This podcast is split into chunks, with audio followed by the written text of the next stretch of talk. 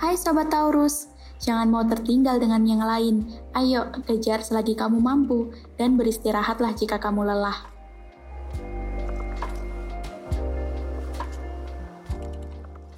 Percintaan untuk Sobat Taurus Lovebird, periode ini hubunganmu dilingkupi dengan suasana romantis yang hangat.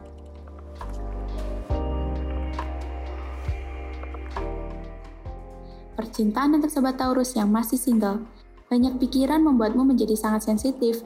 Hati-hati dengan ucapanmu, jangan sampai hatinya terluka karena ucapanmu.